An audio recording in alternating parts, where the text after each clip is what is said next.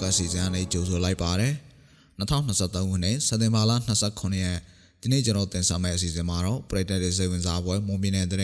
ပြည်တွင်းတဲ့နဲ့အာဆီယံတဲ့တဲ့ပေးပို့ချက်ပြည်သူတွေသိထားတဲ့နေ့စဉ်ကုန်စည်နှုန်းသတင်းချိုတွေကိုအစီအစဉ်ပထမပိုင်းမှာရွေးချယ်တင်ပြပေးသွားမှာဖြစ်ပါတယ်။ ဒါပြင်တိုင်းသားဒေတာတွေမှာနယ်မြေစိုးမိုးမှုရရှိဖို့ဆောင်ရွက်ရမယ်ဆိုတဲ့သတင်းပေးပို့ချက်ကိုလည်းတင်ဆက်ပေးပါဦးမယ်။ဟောပါဒီနေ့အစီအစဉ်မှုကတော့ကျွန်တော်အားကတာဝန်ယူသွားမှာဖြစ်ပြီးကျွန်တော်နဲ့အတူမိဆိုင်ထော်ကသတင်းတွေကိုကူညီတင်ဆက်ပေးသွားမှာပါ။နားဆင်နေကြတဲ့ပရိသတ်အားလုံးကိုမင်္ဂလာပါလို့နှုတ်ခွန်းဆက်သပါရစေ။ကျွန်မမိဆိုင်ထော်ကသတင်းတွေကိုကူညီတင်ဆက်ပေးသွားမှာပါ။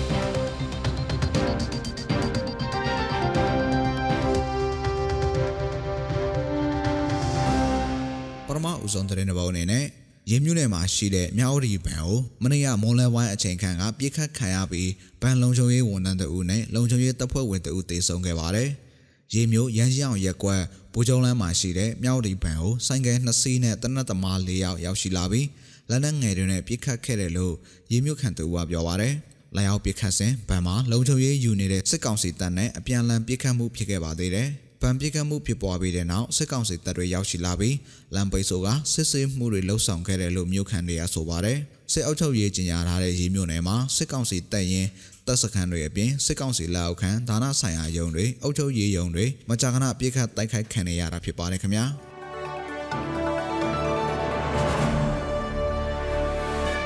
နောက်ထပ်တဲ့တဲ့ပေါက်ကတော့ကွန်တီစေစက်တိုက်ကြဆင်းနေတဲ့အတွက်ကွန်တီဆိုင်တောင်သူတွေရက်တီဖို့ခက်ခဲလာပြီး ကွန်တီလောက်ငန်းရက်တန်းရတဲ့အထိဖြစ်လာနိုင်တယ်လို့မွန်ပြည်နယ်တွင်းရှိကွန်ဆိုင်တောင်သူတွေထံကသိရပါဗျ။လက်ရှိမှာကွန်တီ6တပိုက်တာကိုကျန်း2500နဲ့3000ဝန်းကျင်သာရှိပြီးကွန်တီအစိုးတလောင်ကို20နဲ့25ကျပ်ဝန်းကျင်သာဆေးရှိနေတယ်လို့ကွန်တီဈေးကွက်အတွင်းကသိရပါဗျ။အရင်နှစ်ကကွန်တီဈေးဟာအမျိုးအစားလိုက်တပိတ်တာကျပ်8000နဲ့9000ကြားရှိပြီးကွန်တီအဆိုတလောင်ကိုကျပ်80ဝန်းကျင်ရှိခဲ့တယ်လို့ဆိုပါတယ်။ ဘင်္ဂလားဒေ့ရှ်နိုင်ငံကိုအဓိကတင်ပို့နေတဲ့ကွန်တီတွေလက်ရှိမှာတင်ပို့နိုင်မှုမရှိတော့တဲ့အတွက်ကွန်တီစေကျဆင်းနေတယ်လို့ကွန်တီရောင်းဝယ်သူတွေကပြောပါတယ်။အခုလိုကွန်တီစေစက်တိုက်တာကျဆင်းနေတဲ့အတွက်ကွန်ဆိုင်တောင်သူတွေကွန်တီအစားအခြားရောဘာဒူရင်အစရှိတာတွေကိုပြောင်းလဲစိုက်ပျိုးဖို့စဉ်းစားလာကြတာတွေလည်းရှိတယ်လို့ဆိုပါတယ်။ မွန်ပြည်နယ်မှာ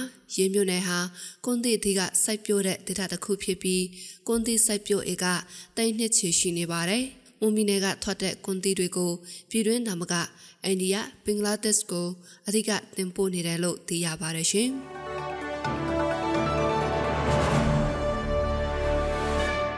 နောက်ထပ်သတင်းတစ်ပုဒ်အနေနဲ့စစ်ကောင်စီဟာရွေးကောက်ပွဲပြုလုပ်နိုင်ဖို့လူဦးရေတကောင်စင်းကောက်တာကိုနမူနာရွေးချယ်ထားတဲ့မြို့နယ်20မှာစံသက်ကောက်ယူသွားမယ်လို့သိရပါဗျ။စံသက်တကောင်စင်းကောက်ယူတာကို2023ခုနှစ်အောက်တိုဘာ1ရက်နေ့ကစပြီးအောက်တိုဘာ15ရက်နေ့အထိ15ရက်ကြာကောက်ယူသွားမယ်လို့စစ်ကောင်စီလက်အောက်ခံ MRTV သတင်းကနေပြောဆိုခဲ့တာပါ။ နေပြည်တော်ကောင်စီနယ်မြေအပါအဝင်တိုင်းဒေသကြီးနဲ့ပြည်နယ်တွေဟာနမူနာရွေးချယ်ထားတဲ့မြို့နယ်20မှာစံသက်တကောင်စီရင်ကောက်ယူသွားမှာဖြစ်ပါတယ်။ဒီမြို့နယ်20မှာကောက်မဲ့အစင်းကောက်ကွက်တရားကိုလည်းရွေးချယ်ထားပြီလို့ဆိုပေမဲ့ဘယ်မြို့နယ်တွေလဲဆိုတာကိုတော့မပြောထားပါဘူး။စံသက်တကောင်စီရင်ကောက်တာဟာပေမတကောင်စီမကောက်မီတစ်နှစ်အလိုမှာမဖြစ်မနေဆောင်ရွက်ရတာဖြစ်ပြီးပေမတကောင်စီရင်ကောက်တာကိုလုပ်ငန်းချိန်စရာအတိုင်းလှုပ်ဆောင်သွားမယ်လို့ဆိုပါတယ်ခင်ဗျာ။ နောက်ထပ်သတင်းတစ်ပေါက်ကတော့ စစ်တပ်အာဏာသိမ်းနှစ်နှစ်ကျော်တွင်စစ်ကောင်စီတပ်ရဲ့လေကြောင်းတိုက်ခိုက်မှုတွေကြောင့်အ ਨੇ ဆောင်လူ282ဦးသေဆုံးခဲ့တယ်လို့ကုလသမဂ္ဂလူခွေရေးဆိုင်ရာမဟာမင်းကြီးရောင်အိုချာရဲ့စက်တင်ဘာလအစီရင်ခံစာမှာဖော်ပြထားပါတယ်။စစ်ကောင်စီဟာနှစ်နှစ်ကျော်တွင်လေကြောင်းတိုက်ခိုက်မှုအကြိမ်တစ်ထောင်ခတိုက်ခိုက်ခဲ့တယ်လို့လည်းဆိုပါတယ်။ဒါအပြင်စစ်ကောင်စီတပ်ရဲ့လေကြောင်းတိုက်ခိုက်မှုတွေဟာအခုနှစ်အတွင်းတိတိတသာမြင့်တက်လာတယ်လို့ထောက်ပြထားပါတယ်။ လေကြောင်းတိုက်ခိုက်မှုတွေကြောင့်နိုင်ငံအလဲပိုင်းဒေသတွေမှာ216ဦးသေဆုံးခဲ့ပြီးဒါဟာသေဆုံးမှုအများဆုံးဖြစ်ပါတယ်။လေကြောင်းတိုက်ခိုက်ခံရမှုအများဆုံးကစကိုင်းတိုင်းဖြစ်ပြီး258ကျင်းထိတိုက်ခိုက်ခံခဲ့ရတယ်လို့လည်းဆိုပါတယ်။မြေပြင်ချက်လက်တွေရသေဆုံးသူအရေအတွက်ဟာဒီထက်များနိုင်တယ်လို့ဒေသတွင်းဖော်တွေကဆိုပါတယ်။စစ်ကောင်စီဟာကချင်ပြည်နယ်၊ချင်းပြည်နယ်၊ရှမ်းပြည်နယ်၊ကယားပြည်နယ်၊ကရင်ပြည်နယ် မွန်ပြည်နယ်၊စကိုင်းတိုင်း၊မကွေးတိုင်းနဲ့တနင်္သာရီဒေသတွေမှာလေကြောင်းတောင်းတိုက်ခိုက်မှုတွေကိုလောက်ဆောင်နေပါတယ်ရှင်။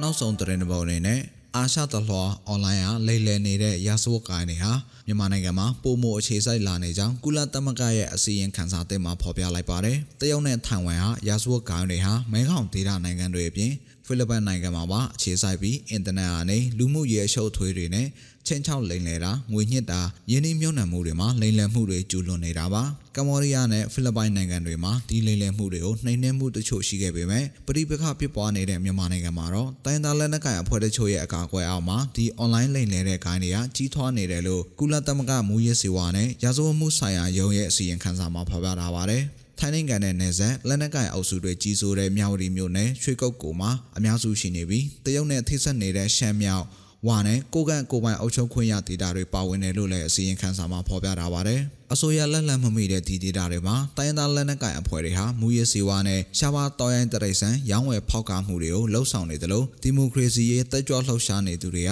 စစ်တပ်ကိုကြဲကြဲပြန့်ပြန့်ပုံကန်ဆန့်ကျင်နေတဲ့နေရာလည်းဖြစ်ပါတယ်။ လိန်လယ်ခံရသူအများစုဟာလူငယ်ပညာတတ်တွေဖြစ်ပြီးမြန်မာနိုင်ငံမှာလဆမြင့်အလောက်ကန်ကောင်းတွေရမယ်ဆိုတဲ့တရားဝင်ခေါ်ယူတဲ့ပုံစံမျိုးမလုံးပေးခေါ်ယူတာကိုခံကြရတယ်လို့လိန်လယ်ခံရတာကိုသိတဲ့အချိန်မှလဲမိသားစုဝင်တွေဒါမှမဟုတ်တန်ယုံတဲ့ NGO တွေကနေပတ်စံပေးပြီးကဲထုတ်နေရတယ်လို့လည်းစီရင်ခံစာမှာပါရှိပါတယ်ခင်ဗျာ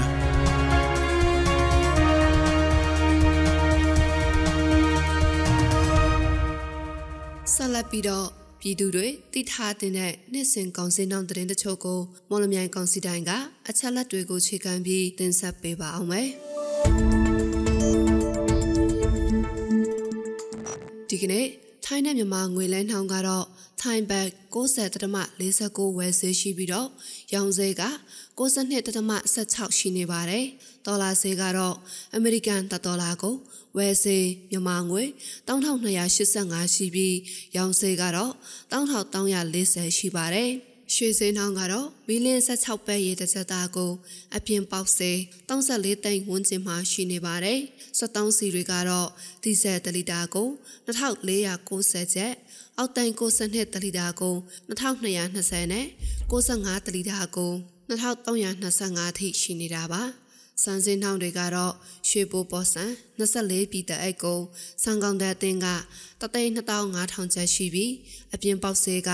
34500ကျပ်ရှိနေပါတယ်ပေါ်ကျွမ်း24ပြည်တဲ့အိတ်ကိုစံကောင်တဲ့အတင်းက99000ကျပ်ရှိပြီးအပြင်ပေါက်စေး31000ကျပ်ရှိနေတာပါ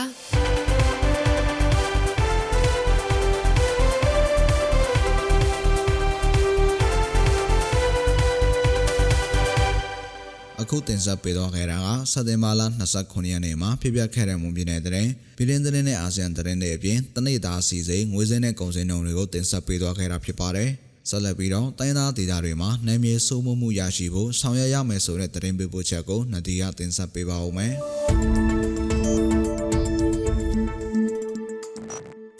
တိုင်းရင်းသားတော်လှန်ရေးအင်အားစုတွေမိမိတို့နယ်မြေတွေစုမှုမှုရရှိဖို့ဆောင်ရွက်ပြီးကြားကာလအောက်ချုပ်ရေးတရားစီရင်ရေးတွေကိုဆောင်ရွက်ရမယ်လို့ဘိုးအမျိုးသားဖက်ဒရယ်ကောင်စီ PNSC မှအတူရမှုနဲ့ခွန်ဝေထွန်းကပြောပါရယ်အဲ့ဒီလိုကြားကာလအောက်ချုပ်ရေးတွေကြည်တုံပြီးဖက်ဒရယ်ပြည်နယ်ဖွဲ့စည်းနိုင်မယ်ဆိုပါကလက်ရှိလက်နက်ကင်ပြည်ပခါတွေချုပ်ငိမ့်သွားမှာဖြစ်တယ်လို့သူကဆိုပါတယ်ကျွန်တော်တို့ရဲ့နိုင်ငံရေးရဲ့ရည်မှန်းချက်ဒီမိမိတို့တည်ရှိတဲ့မိမိတို့ရဲ့ပြည်နယ်မိမိတို့ရဲ့ဒေသမှာ မိမိတို့ရဲ့စစ်ရေးနိုင်ငံရေးပို့ပြီးတော့စိုးမိုးနိုင်ရေးနဲ့မိမိတို့စစ်ရေးနိုင်ငံရေးမှာလူထုတွေရဲ့လိုအပ်ချက်တွေကိုပို့ပြီးဖြစ်စည်းနိုင်တဲ့လူထုကိုပို့ပြီးတော့ဥဆောင်နိုင်တဲ့မိမိတို့ရဲ့ဒေသတွေမိမိတို့ရဲ့ပြည်နယ်တွေကိုတို့ကထူထောင်ကြရမှာဖြစ်တယ်ပေါ့နော်ကျွန်တော်ဆိုလိုချင်တာကတော့အာကျွန်တော်တို့ပို့ပြီးတော့မှနယ်မြေစိုးမိုးရေးအဲနယ်မြေစိုးမိုးရေးတွေပို့ပြီးတော့ရရှိလာအောင်အဲတနည်းအားဖြင့်တိုင်းသားတော်လိုင်းအင်အားစုအသီးသီးတွေကတော့မိမိတို့ရဲ့ပြည်နယ်မိမိတို့ရဲ့ဒေသ အလိုက်ပေါ့လေမိမိတို့ပို့ပြီးတော့နယ်မြေစိုးမိုးရေးအရှိလာအောင်နဲ့စိုးမိုးရေးရရှိလာတဲ့နေ့တပြန်နဲ့မိမိတို့ရဲ့ဒါဂျာကာလာအုပ်ချုပ်ရေးတရားစီရင်ရေးတွေကိုအစားထိုးပြီးတော့ကျင့်သုံးနိုင်ဖို့အတွက်ဖြစ်တယ်အဲဖြစ်တယ်ပေါ့နော်ဒီလိုနဲ့ပဲအဲအဲတည်ထောင်သွားမှာဖြစ်ပါတယ်လို့ Federal ပြည်နယ်အသီးသီးကျွန်တော်တို့ဖွဲ့စည်းနိုင်ပြီဆိုရင်တော့အဲကျွန်တော်ယုံကြည်ပါတယ်ဒီလက်နက်ကင်ပဋိပက္ခဟာဒါလုံးဝချုပ်ငိမ့်သွားမှာဖြစ်ပါတယ်လို့အဲဟုတ်ကဲ့ကျွန်တော်အဲ့လိုပဲအဲနားလည်ပါတယ်ခင်ဗျ စစ်သားအာဏာသိမ်းပြီးနောက်နေဆက်ဒေသတွေမှာတမက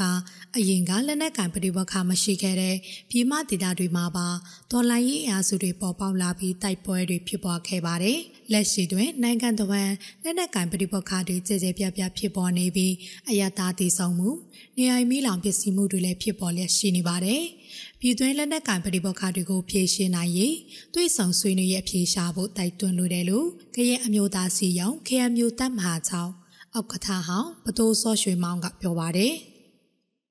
အဲအခုလက်ရှိပြစ်နေခတ်နေကြတဲ့လူတွေကို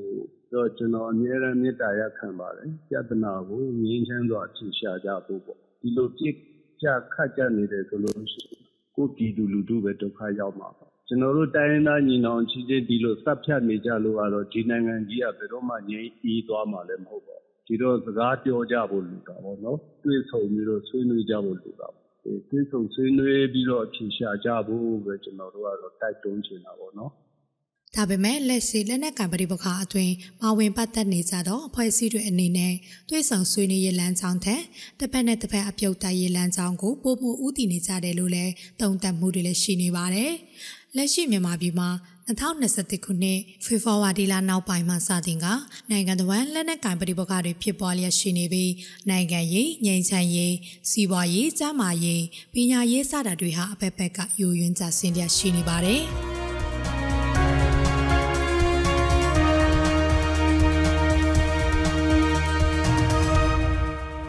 ကျမတို့ရဲ့မွန်လန်းမြန်မာပေါ့ကတ်အစီအစဉ်ဒီမှာတင်ပြီးဆောင်ပါပြီ။နားဆင်ကြတဲ့ပရိသတ်အားလုံးကိုနောက်နေ့အစီအစဉ်တွေမှာဆက်လက်အားပေးကြပါအောင်လို့ဖိတ်ခေါ်ရင်းအစီအစဉ်ကိုအဆုံးသတ်ပါစေ။အားလုံးကိုကျေးဇူးတင်ပါတယ်ရှင်။